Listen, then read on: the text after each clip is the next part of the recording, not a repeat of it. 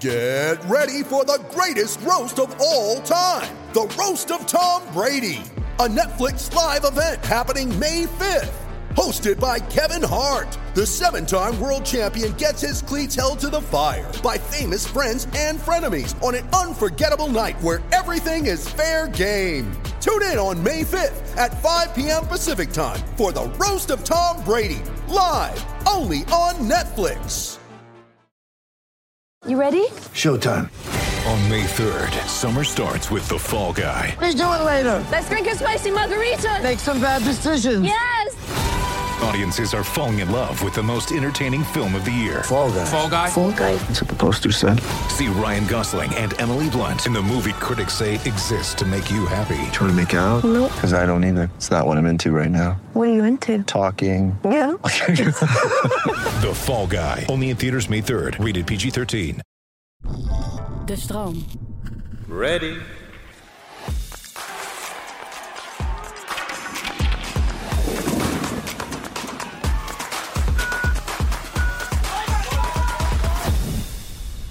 Welkom bij Warming Up, de podcast van de Olympische Winterspelen 2022. Dit is de allereerste aflevering.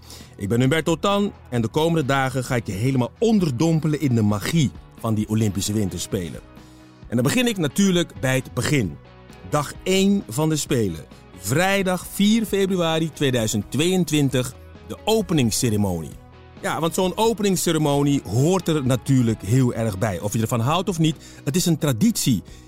En het bijzondere is, de manier waarop de openingsceremonie nu gedaan wordt, is voor een groot deel bedacht in Amsterdam in 1928. Voor de allereerste keer kwamen daar een aantal facetten naar voren die we nu nog steeds zien. De meest klassieke traditie van die Spelen is misschien wel het aansteken van het Olympisch vuur. Dat pas aan het einde van de Spelen, bijna drie weken later, weer gedoofd wordt. En dat laten branden van het Olympisch vuur, dat is dus bedacht in 1928 in Amsterdam bij de Olympische Zomerspelen van toen. En daar kunnen we best trots op zijn. Maar ook in Amsterdam bedacht is bijvoorbeeld de défilé. Hoe de sporters naar binnen komen in het Olympisch Stadion. Griekenland als bakermat van de Olympische Spelen als eerste.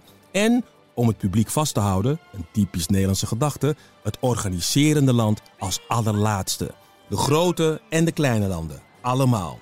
Belangrijk daarbij zijn natuurlijk de kopmannen en kopvrouwen van Ierland, de zogenaamde vlaggedragers. Voor Nederland zijn dat Kjeld Nuis, de koning van de vorige Spelen in Pyeongchang met twee keer goud, en de 17-jarige Lindsay van Zundert. Representing the Netherlands, Lindsay van Zundert. Van Zundert, dat is een bijzonder verhaal. Nederland doet namelijk voor het eerst sinds 1976 weer mee aan het kunstrijden, dankzij haar. En het kunstrijden of het kunstschaatsen is de best bekeken sport tijdens de Olympische Spelen. Vooral omdat veel vrouwen in Amerika naar die sport kijken. En ook zijn er zoals met elke speler weer een aantal nieuwe disciplines bijgekomen. Een mooie ontwikkeling is dat er aan veel sporten gemengde onderdelen zijn toegevoegd waar mannen en vrouwen het in teams samen tegen elkaar opnemen.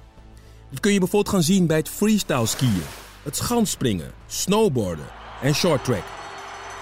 Een gloednieuw onderdeel dat ook zeker het bekijken waard is, is de monobob. Dus niet samen, maar alleen één persoon aan boord van de bobslee. En hierin zijn we meteen goed vertegenwoordigd. Namens Team NL stapt Carlien Sleper de monobob in. Ik heb al aardig wat Nederlanders tussen neus en lippen door genoemd nu, maar er gaan nog veel en veel meer mee. Allereerst de nu 35-jarige Irene Wust. Zij is met 11 medailles de meest succesvolle Nederlandse Olympiër ooit op de Spelen. En ze maakt zich op voor haar laatste editie. En ze is niet naar Peking gegaan om af te bouwen. Ze wil schitteren op de 1500 meter, de 1000 meter en de ploegenachtervolging. En die 1500 meter is extra speciaal, want daar kan ze deze Spelen haar vijfde medaille op rij winnen. En nu we het toch over eh, schaatsen hebben, denk ook aan al die reserves die meegaan. is ook best bijzonder. Dai Dai Tap, Melissa Wijfje, Merel Konijn, Bo Snelling. Heeft vooral te maken met de dreiging van corona. Als er iemand uitvalt, is er meteen een reserve mee. Een ander mooi verhaal, dat zijn alpine skiers. Maarten Meiners doet de reuzenslalom. Adriane Jellinkova doet slalom en reuzenslalom. En net als in het kunstrijden zijn we in het alpine ski een tijd weg geweest. De laatste keer dat we erbij waren, op dat onderdeel, 1952 in Oslo. Dat was toen Margriet Prajou Bauma. Ze werd wel laatste, maar maakt niet uit, ze was erbij. Nu gaan we voor meer dan laatste worden. En let ook vooral op Kimberly Bos. Nu nog een onbekende naam, maar zij is wel Europees kampioen skeleton. Zij zet in haar eentje die sport op de kaart in Nederland. En ze is een medaillekandidaat, dus wie weet, aan het einde van deze Spelen weten we ineens allemaal wie Kimberly Bos is. De skeletonvrouw van Team NL. Hou er in de gaten. En zelf kijk ik uh, deze spelen, klinkt misschien een beetje verrassend, maar toch, het uh, meest uit naar een sport waar geen Nederlander aan meedoet. Helaas, we waren er wel bijna bij trouwens, maar we schoten tekort op het Olympisch kwalificatietoernooi in Leeuwarden. En dan heb ik het over curling. Een prachtige en onderschatte teamsport op de Spelen, uh, waar ik je de twintigste in de laatste aflevering van deze podcast alles over ga vertellen.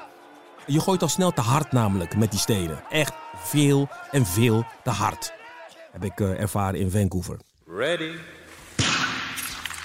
En met het curlen wil ik graag door naar het spoorboekje van vandaag. De zogenaamde tips van Tan. Uh, die ga ik je vanaf vandaag elke dag geven. Dan weet je precies waarvoor en hoe laat je de tv of radio aan moet zetten. En ik wil je vooral op wat uh, sporten van aankomende nacht wijzen. Nou, ik had het net al even over die prachtige teamsport, curlen. Het curlingtoernooi is twee dagen voor de Spelen al losgebarsten. En het wordt nog mooier tot het einde van de Spelen kun je elke dag naar curling kijken. Uh, check vannacht bijvoorbeeld vanaf 2 uur vooral de mixed dubbels. En als je dan toch wakker bent, om kwart voor vier vannacht beginnen de kwalificaties op het snowboardonderdeel slopestyle bij de vrouwen. Geweldig als je van bijna onmogelijke trucs houdt op een snowboard. Voor Team NL op de berg de 17-jarige Melissa Peperkamp. En die is niet bepaald bang. Veel plezier de komende weken. Morgen ben ik er weer. En dan zal ik het hebben over uh, een Amerikaanse schaatser. Die besloot op zijn 21ste al te stoppen. Omdat hij toen al alles had gewonnen wat er te winnen valt op de Spelen. Ik zeg tot morgen. Min Chen Chen. Oh, en als er uh, mensen zijn die mijn uitspraak kunnen verbeteren, graag. Ik hoor het graag.